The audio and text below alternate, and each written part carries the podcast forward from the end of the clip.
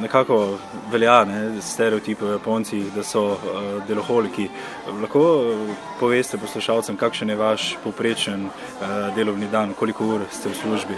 Ja, jaz sem verjetno kakšnih 9 ur v povprečju v službi, a ne tam okrog 8, pa, pa sem na robe izračunal verjetno.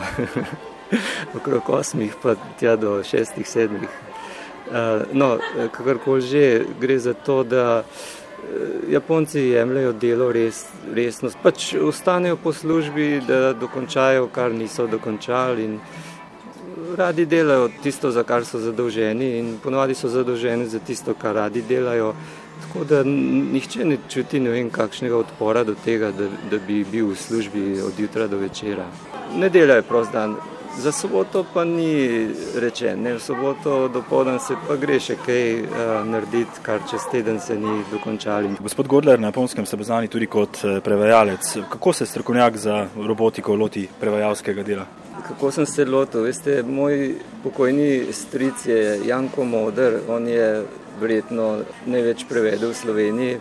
In uh, kakšnih 15 let, ko sem bil na japonskem, sem ga enkrat vprašal, V japonščino ni še nič slovenskega preveden in jaz bi poskusil kaj, česa naj se pa lotam, pa verjetno vedel, da, da jaz nimam kaj dost pojma o teh stvarih in je predlagal hlapca Jrneja, verjetno zato, ker je bolj kratka stvar. Ne. Težko je, ja, recimo že en, en tak enostaven primer, mi rečemo, jaz sem lačen ali pa mene zebe ali pa enostavno za naše pojme. V japonščini se to čist drugače eh, predstav, recimo, da si lačen, ne rečeš, jaz sem lačen, ampak jaz ma, eh, tribuh imam prazen. No, tam v te predstavitvi knjige v časopisu je lepo pisal, ne, da je ta beseda pravica je s hlapcem Jrnejem v japonščini dobila mal širši pomen, mal drugačen pomen.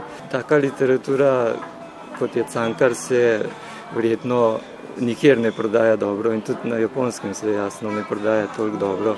No, prva hlapec je ne bila posebno zanimiva zaradi te predstavitve in ker je bila prva. Ne. Tako da tisto prvo knjigo smo naredili 5000 izvodov, nekako, no ja, niso vse šle, ampak knjižnice, fakultete, ker je bilo predstavljeno časopise, so to je hitro šlo. Ne. Japonska je gospodarska in tehnološka eh, velesila. Poznate morda odgovor, zakaj jim je uspel? Tako res hitro spon po drugi svetovni vojni, je res vse v pridnosti in pregovorni deloholičnosti. Moje mnenje je, da je velik uspeh eh, dosežen ravno s tem, da so vsi nekako zaposleni eh, in zaposleni so tako, da delajo tisto, kar jim najbolj nekako leži. Recimo že v osnovni šoli so učenci zadolženi za čiščenje razreda, potem imajo kakšen zajčnik ali pa kokoši, tudi sami čiščijo, čistijo stranišče.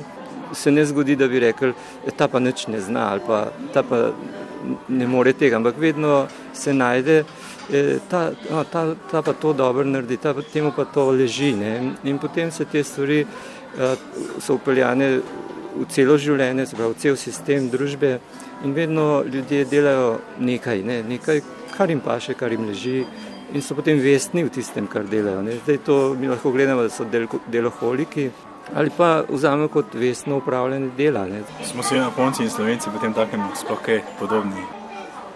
Ja, jaz sem že toliko časa tukaj, da sem že pozabil, kakšni so slovenci. Mislim, da slovenci smo bili tako pridni. E, veste, kaj je mogoče največja podobnost? Slovenija je mehna država za slovenske pojme. Ne? Dva milijona ljudi na mehnem prostoru. Enako Japonci razmišljajo o sebi, o svojem narodu. Japoncev je 120-125 milijonov in rečejo, da, da je mehna Japonska, da jih je mal, da je država mehna.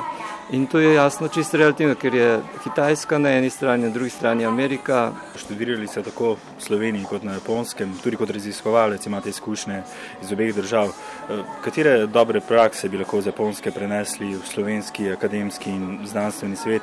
Oziroma, če vprašam neposredno, kje in zakaj nas Japonci prehitevajo?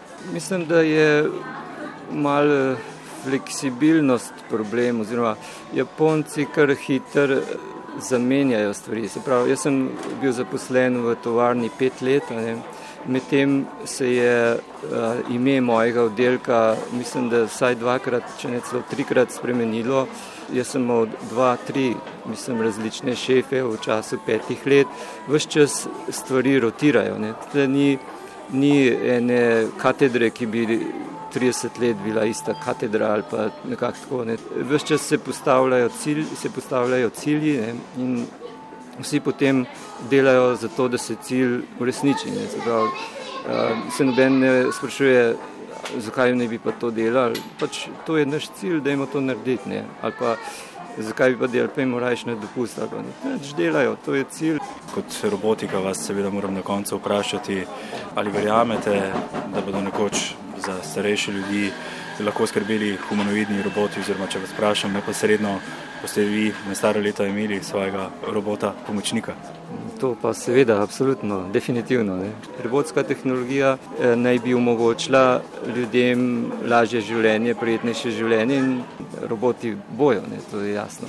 Zdaj, ali bojo v obliki humanoidnega robota ali ne, je pa spet drugo vprašanje. Robot je naprava in bo recimo poleg štedilnika bo tam neka naprava, ki bo mal kuhala, poleg pralnega stroja bo druga naprava, ki bo jemala perilo iz stroja, dajala v stroj in tako naprej. Če bo tehnologija šla toliko hitro naprej in tako dobro v to smer, eh, lahko pričakujemo okrog nas eh, kar precej različnih robotov. Ne? Eh, takih, ki bo, ne bojo izgledali roboti, pa bojo roboti, drugi pa, ki bojo izgledali ljudje, pa bojo roboti. Strah pred roboti pa je odveč ali malo previdnosti vseeno kaže imeti. Mislim, da se ni zabati. Oziroma, tako je. V, v Ameriki se tudi vidi, da predvsem razvijajo robote vojake. Ne. Tistih se pa mislim treba bati in bož, da jih ni. Ne.